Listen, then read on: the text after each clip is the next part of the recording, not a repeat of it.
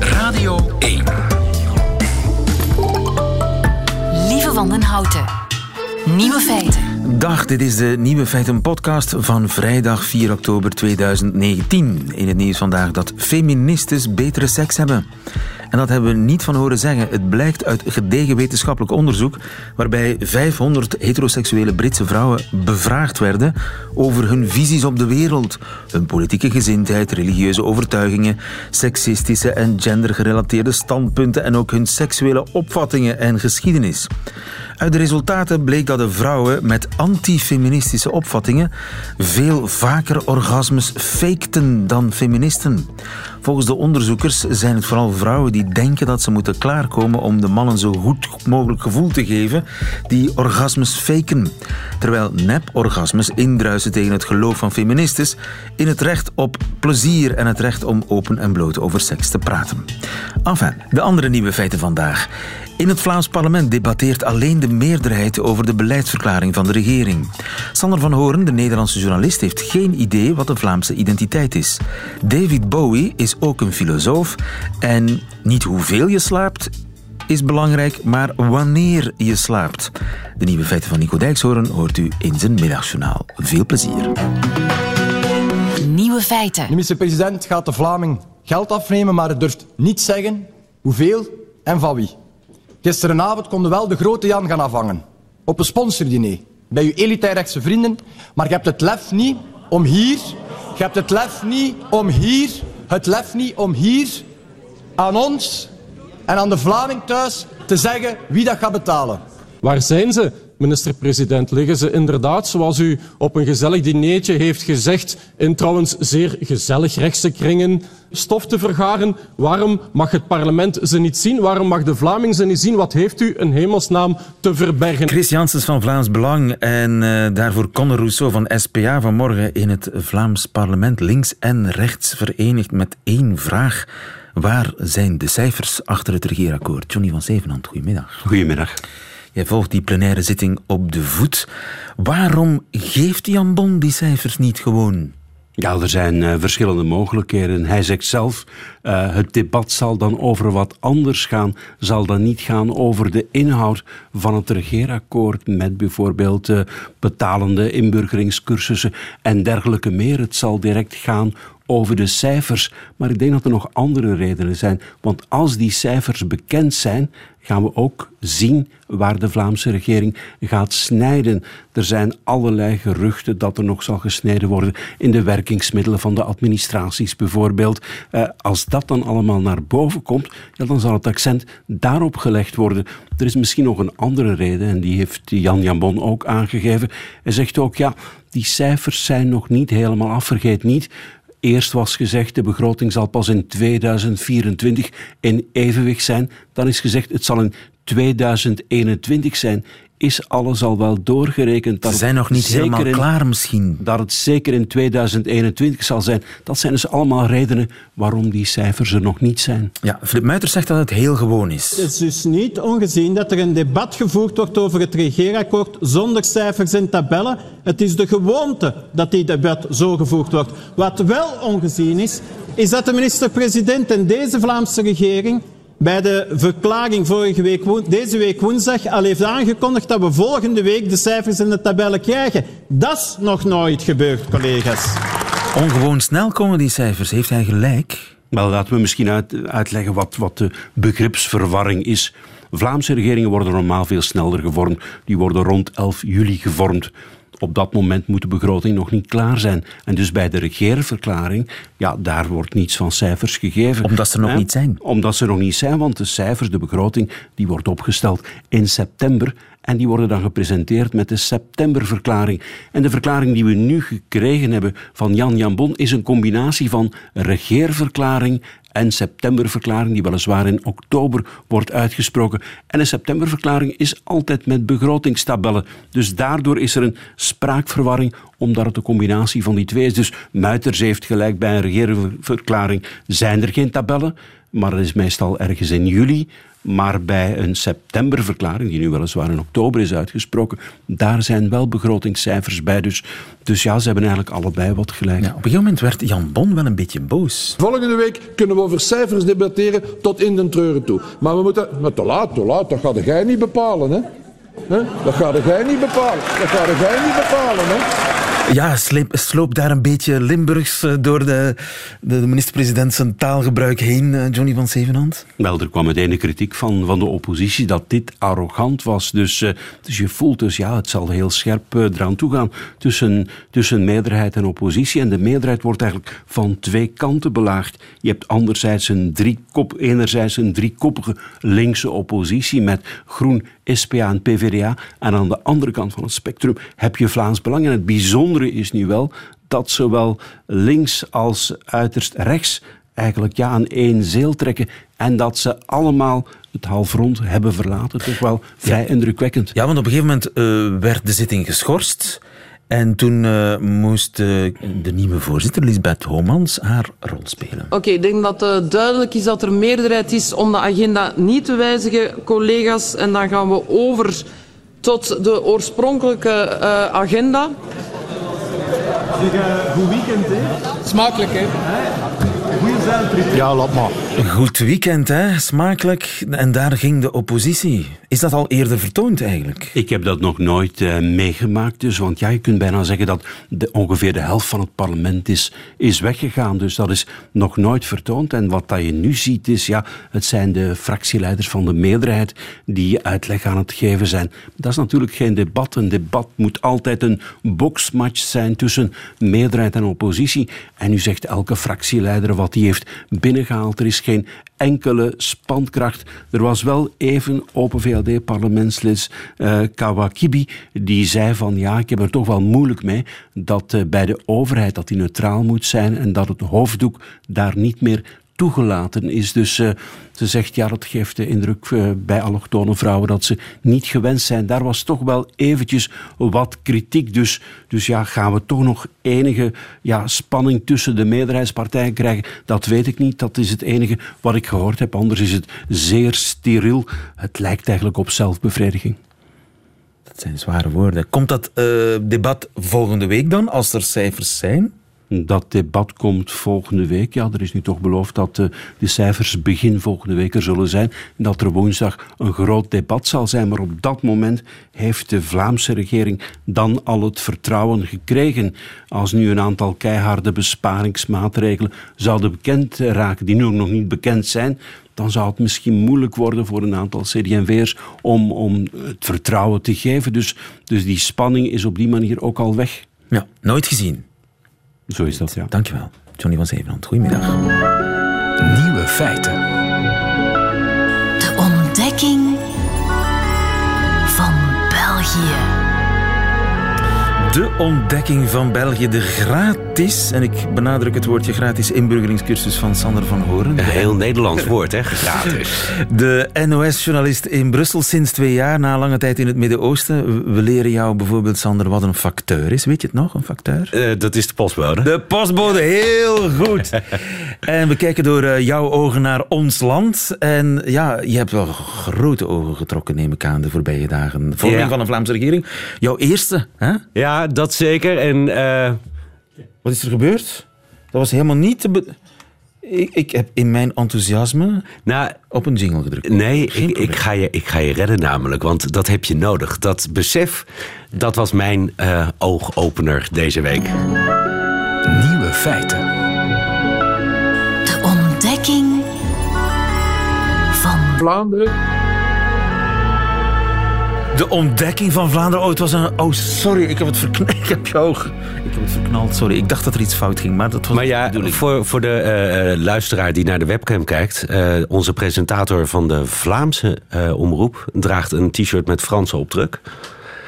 Heeft eh, bovenmatig veel Hollanders in zijn eh, uitzending.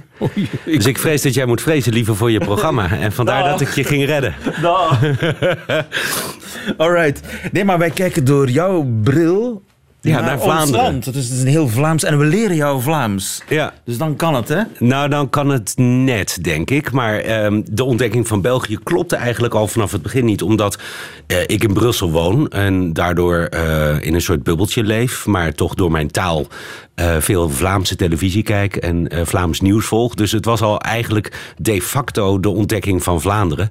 Maar je bent correspondent België nog ja, altijd, hè? klopt, klopt. Voor Maar Nederland, Het is ook een gevecht en daar heb ik ook al eerder over verteld... om eh, te vertellen wat er in Wallonië gebeurt. Maar kijk naar, naar je eigen VRT of kijk naar ehm, de, de, de Vlaamse kranten. Hoe moeilijk het is om eh, heel België te bestrijken. Omdat er ook wat minder aandacht voor is. Dus daardoor is die VRT nu eh, toch al een Vlaamse omroep. Waarbij eh, dat Belgische eigenlijk best wel eens wat meer benadrukt zou mogen worden. Ik zou het wel mooi vinden om een eh, uurtje per week bijvoorbeeld... of per dag eh, iets te doen aan het Waalse nieuws. Of misschien moet je wel een Franstalig programma maken op de VRT... om serieus en gedegen verslag te doen... van wat er nu bijvoorbeeld in het Vlaamse parlement gebeurt. Ik bedoel, ga maar Waarom zou de Vlaamse omroep een Franstalig programma moeten hebben? nou ja, omdat de uitdagen van de Vlaamse identiteit natuurlijk heel breed kan worden uitgelegd. En dat is ook een van de problemen die ik heb met wat er nu in de regeringsverklaring staat. Eh, de Vlaamse identiteit uitdragen binnen eigen landsgrenzen zou bijvoorbeeld al heel vrij zijn. Ook een Duitsstalig programma? Ik snap de problemen wel. Maar wat, wat is die Vlaamse identiteit? Dat is natuurlijk iets anders waar ik me de afgelopen dagen enorm het hoofd over heb lopen breken. En ik kom daar zelf al niet uit. En eh, ik kom er alleen maar uit dat de Vlaamse identiteit, net zoals de Belgische, daar is het evident, maar de Vlaamse identiteit, ja, die bestaat natuurlijk helemaal niet. Ik bedoel, dan, dan, dan lees je een artikel in een van de kranten dat er toch wel erg veel Limburgers in deze Vlaamse regering zitten. En dan denk ik, nee, dat zijn dus Vlamingen. Is Alleen- dat een heel Vlaamse reflex om meteen te zeggen... Oh, kijk eens, zoveel Limburgers. Nou ja, in Nederland heb je de reflex eh, eh, Amsterdam versus de rest van het land. De Randstad versus de rest van het land. Maar hier, ja, op, dat, dat ga je krijgen. Ik bedoel, op het moment dat je een niveau isoleert... bijvoorbeeld het niveau Vlaanderen... dan ga je natuurlijk, want de mens wil graag etiketjes plakken. Die wil graag maar anderen bijvoorbeeld in, in Nederland kun je als Limburger burgemeester worden in Groningen.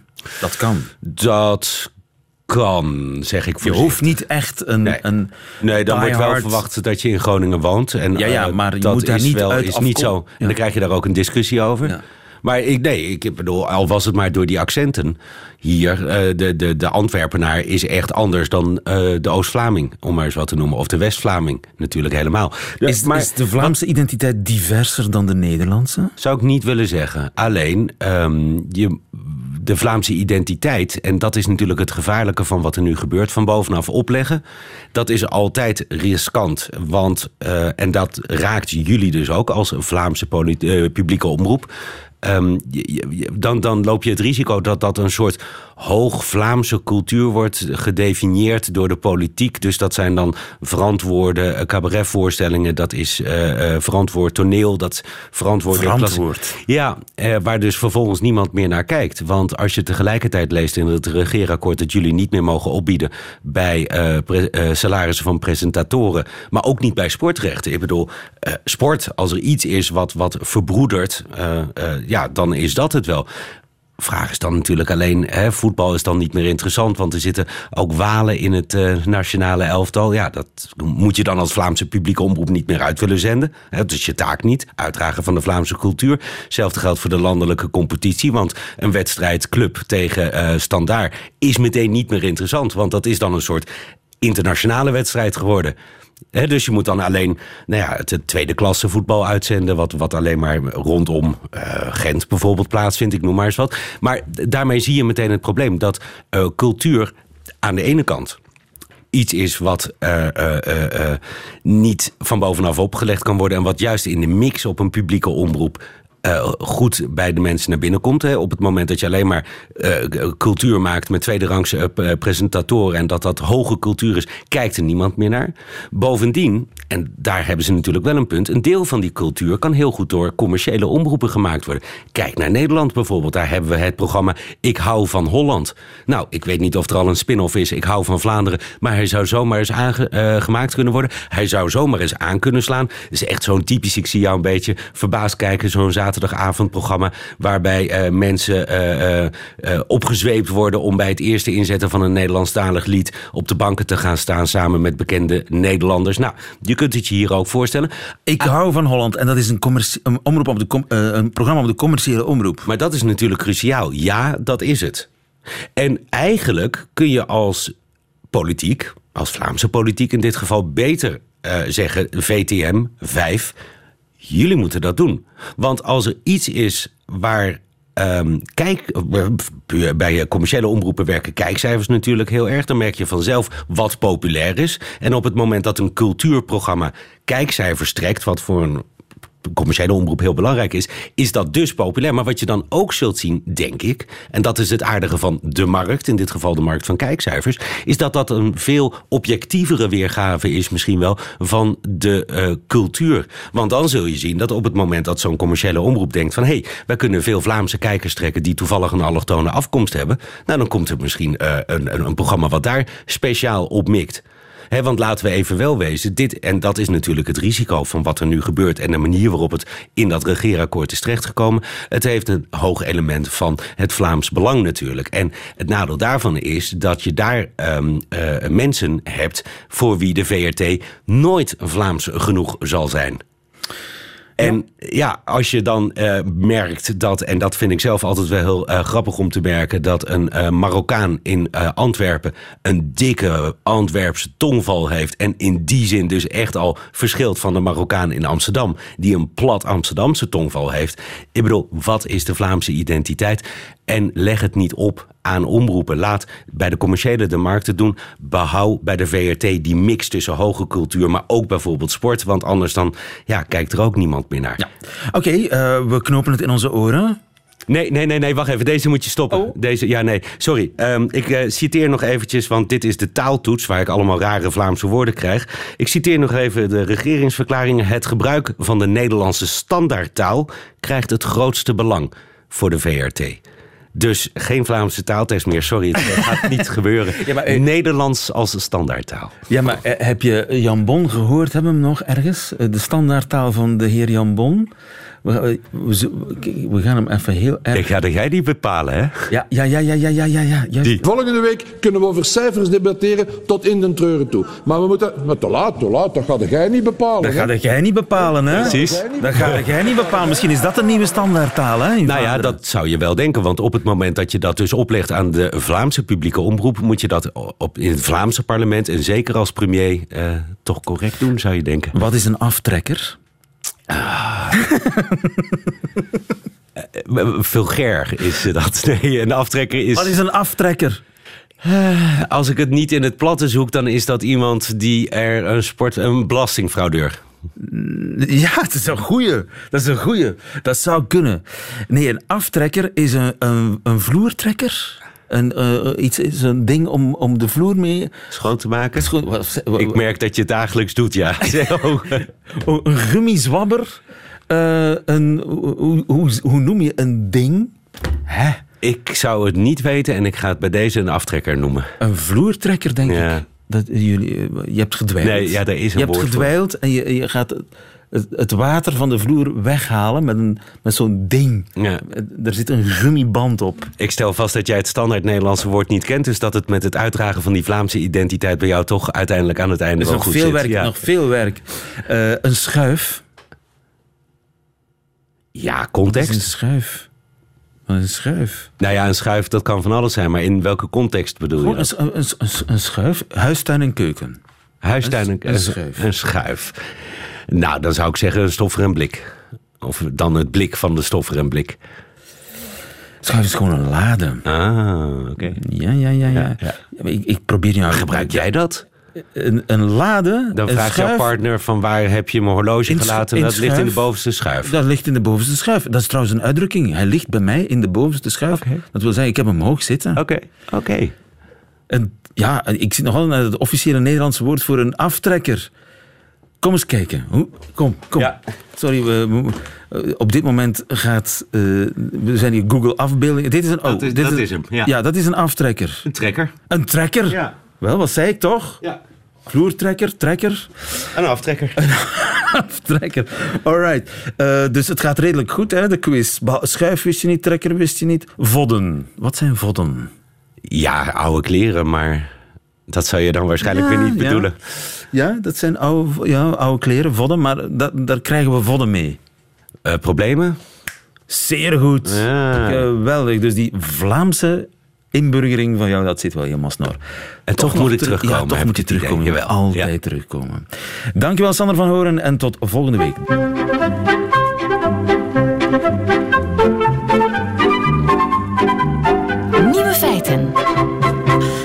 York gaan filosofen dit weekend samen liedjes van David Bowie zingen. Tom Hannes, goedemiddag.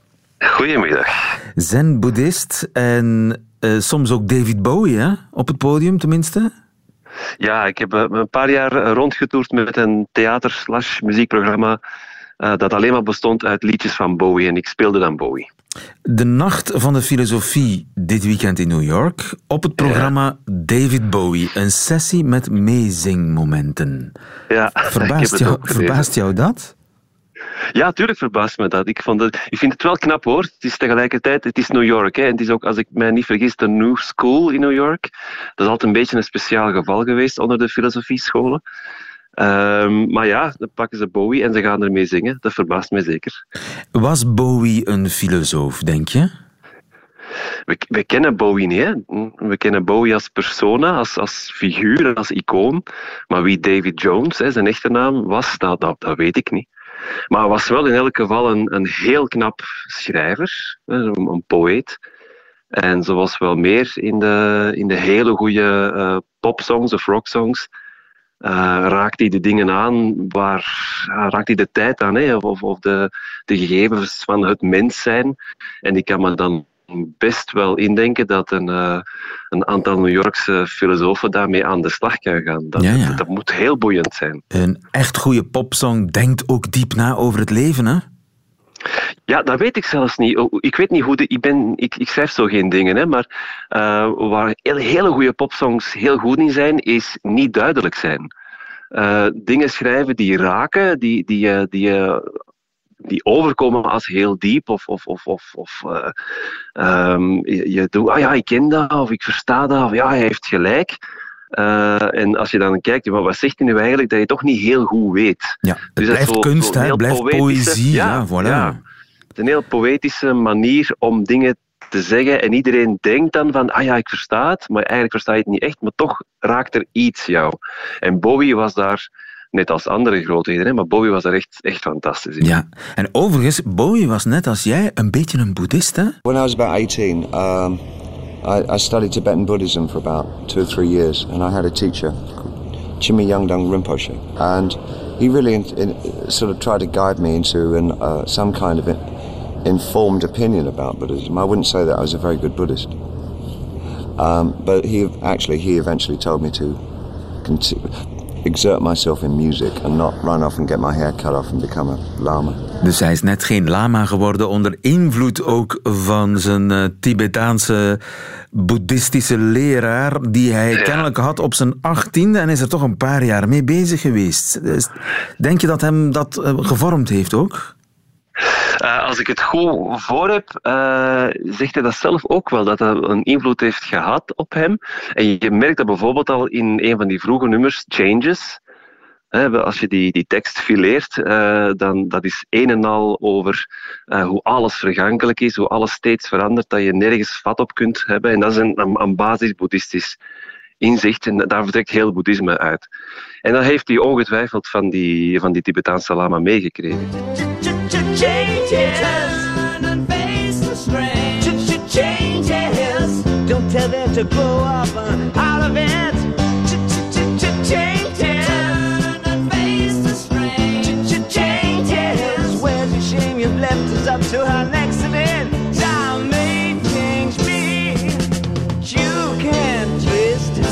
En hij heeft dat ook zelf, ehm, ja, hij is, het het is cliché der clichés, hij is de chameleon van de, van de rock. Hè. Dus hij is constant veranderd, van stijl veranderd, van look veranderd, van persoon veranderd.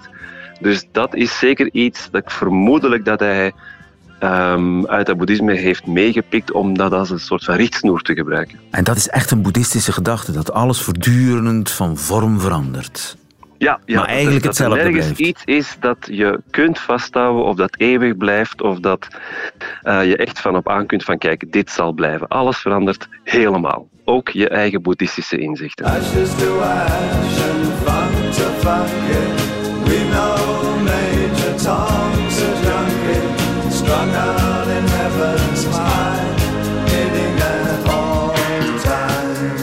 Ashes to ashes, stof zijt gij en tot stof zult gij wederkeren. Dat is toch meer een katholieke gedachte, hè? Ja, de, de, de, de woorden in elk geval zijn, zijn christelijk. Ehm, in elk geval de eerste woorden, ashes to ashes, maar dan zegt hij niet dust to dust, hij zegt fun to funky. Dus daar, daar, daar speelt hij met dat materiaal. En als je dan dat refrein verder, verder beluistert, is het een heel, heel droevig eh, lied. Eh, op, op één niveau is het heel eenvoudig te lezen als iemand die probeert van de, van de drugs af te geraken. Maar op een ander niveau gaat het, hij zegt strung out on heaven's high, eh, hitting an all-time low. Is dat een, een, ja, een soort van vermoeide uitdrukking van ja, kijk, ik heb hè, de jaren 70 overleefd, heel veel drugs, heel veel seks, heel veel feestjes.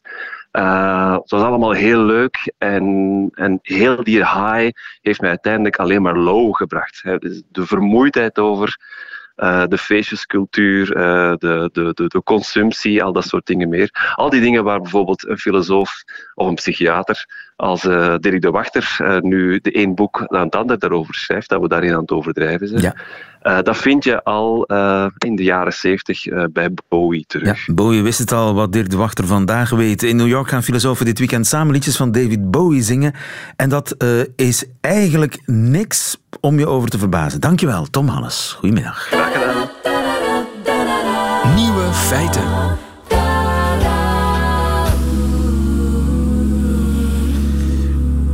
Je zoekt iets en je vindt iets anders. Zo gaat het vaak in het leven en zo gaat het bij wetenschappers ook. Zo waren er onderzoekers in Amerika die wilden weten of een gezond lichaam ook een gezonde geest opleverde. Of studenten ook betere punten haalden als ze aan fitness deden. Het antwoord was nogal teleurstellend. Niet. Er was geen enkel verband. Maar de onderzoekers ontdekten wel iets anders. Pedro de Bruikere, goedemiddag. Een goedemiddag. Je bent eh, onze huispedagoog, zeg maar, pedagoog in Gent en ook aan de universiteit in, wat is het, Nijmegen? Leiden. Leiden, voilà. Ook goed, beter misschien zelfs nog. Eh, wat vonden die onderzoekers? Wat zagen zij? Wel, voor het onderzoek over de fitness hadden ze verplicht aan de studenten om gedurende een heel semester zo'n Fitbit te dragen. En daar kun je ook mee zien hoeveel ze slapen. Zo'n Fitbit, is dat zoiets dat rond je pols gaat? Ja, een soort van smartwatch, een toestel, een tracker.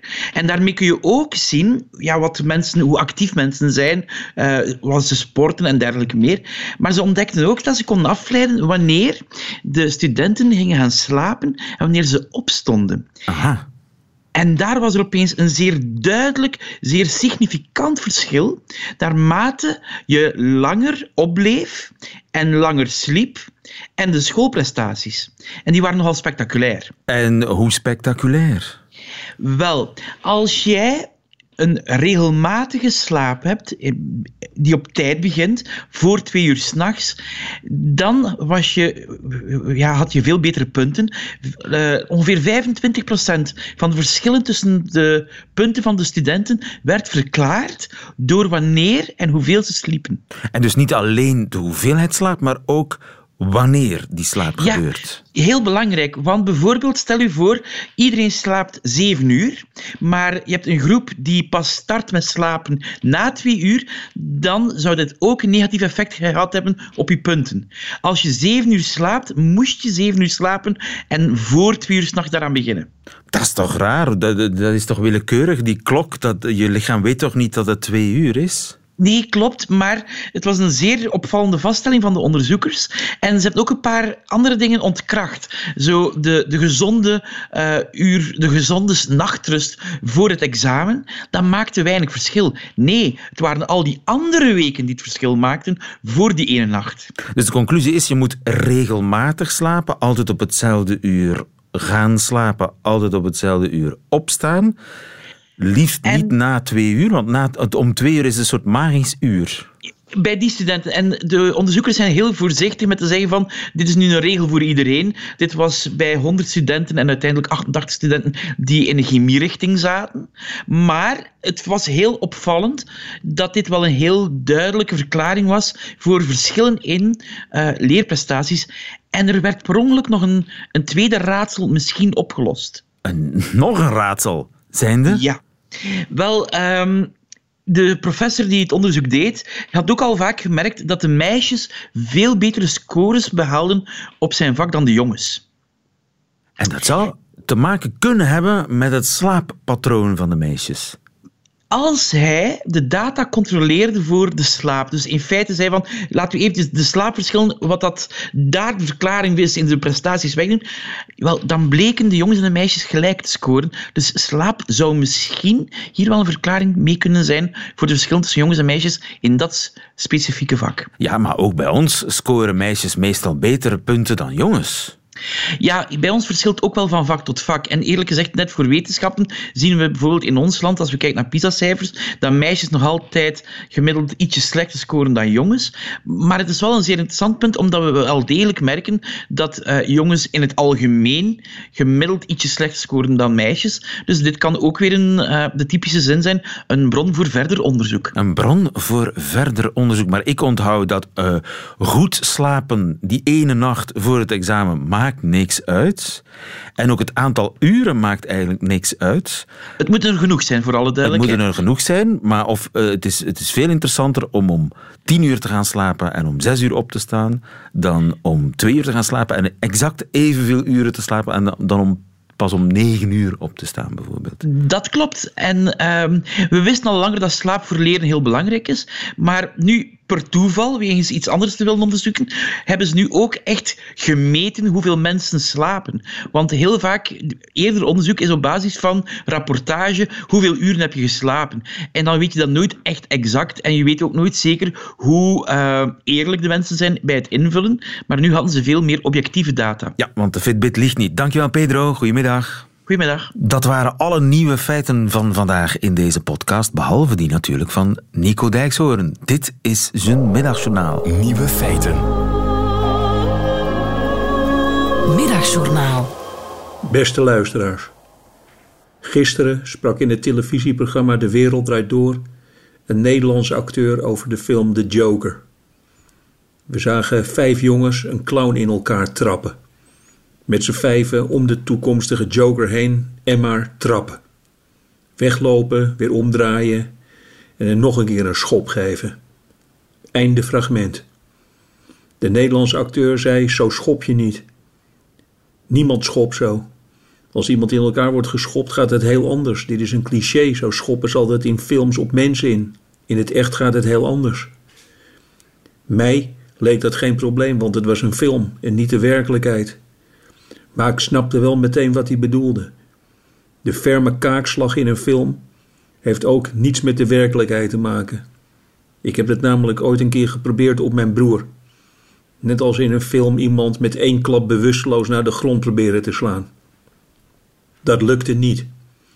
Ten eerste, en dat hoor je dus nooit in films, doet het ontzettend pijn aan je vuist als je iemand op zijn kaak slaat. De kaak bestaat uit bot en kraakbeen en ik had er meer last van dan mijn broer. Hij nodigde me uit om harder te slaan, hij wankelde alleen even. In films zakken mensen die een kaakslag ontvangen als een zak rijst in elkaar. Ze vallen ook altijd heel fotogeniek, precies heel mooi op een kleedje, met de hand graaiend naar een bed of een glaasje water. Daarna heb ik samen met mijn broer een deur proberen open te beuken met mijn schouder, net als in de film. We probeerden, ook net als in de film, onverwacht dwars door een deur van een hotelkamer te lopen. Niet gelukt. Het was alsof we tegen beton aanliepen. Ik heb een maand niet kunnen zwaaien naar mensen. En dan de bom. Ik heb het zojuist aan een bevriende politieman gevraagd. En nog nooit, in 40 jaar tijd, had hij een explosief gevonden met een klein klokje erop, zodat je kan zien wanneer de bom afgaat. Nog een filmding, wat ik nooit doe. Als ik naar bed ga, laat ik mijn kleren nooit in een soort van lint achter mijn lichaam vallen. En daarna laat ik mij nooit rokend in bed filmen door een ander.